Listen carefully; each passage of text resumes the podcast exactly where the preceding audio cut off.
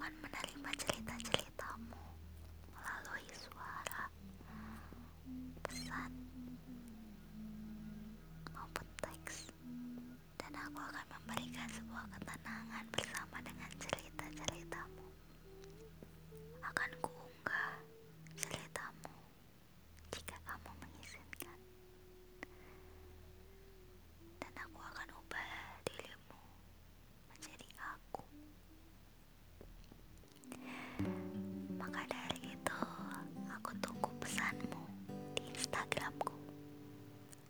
Aku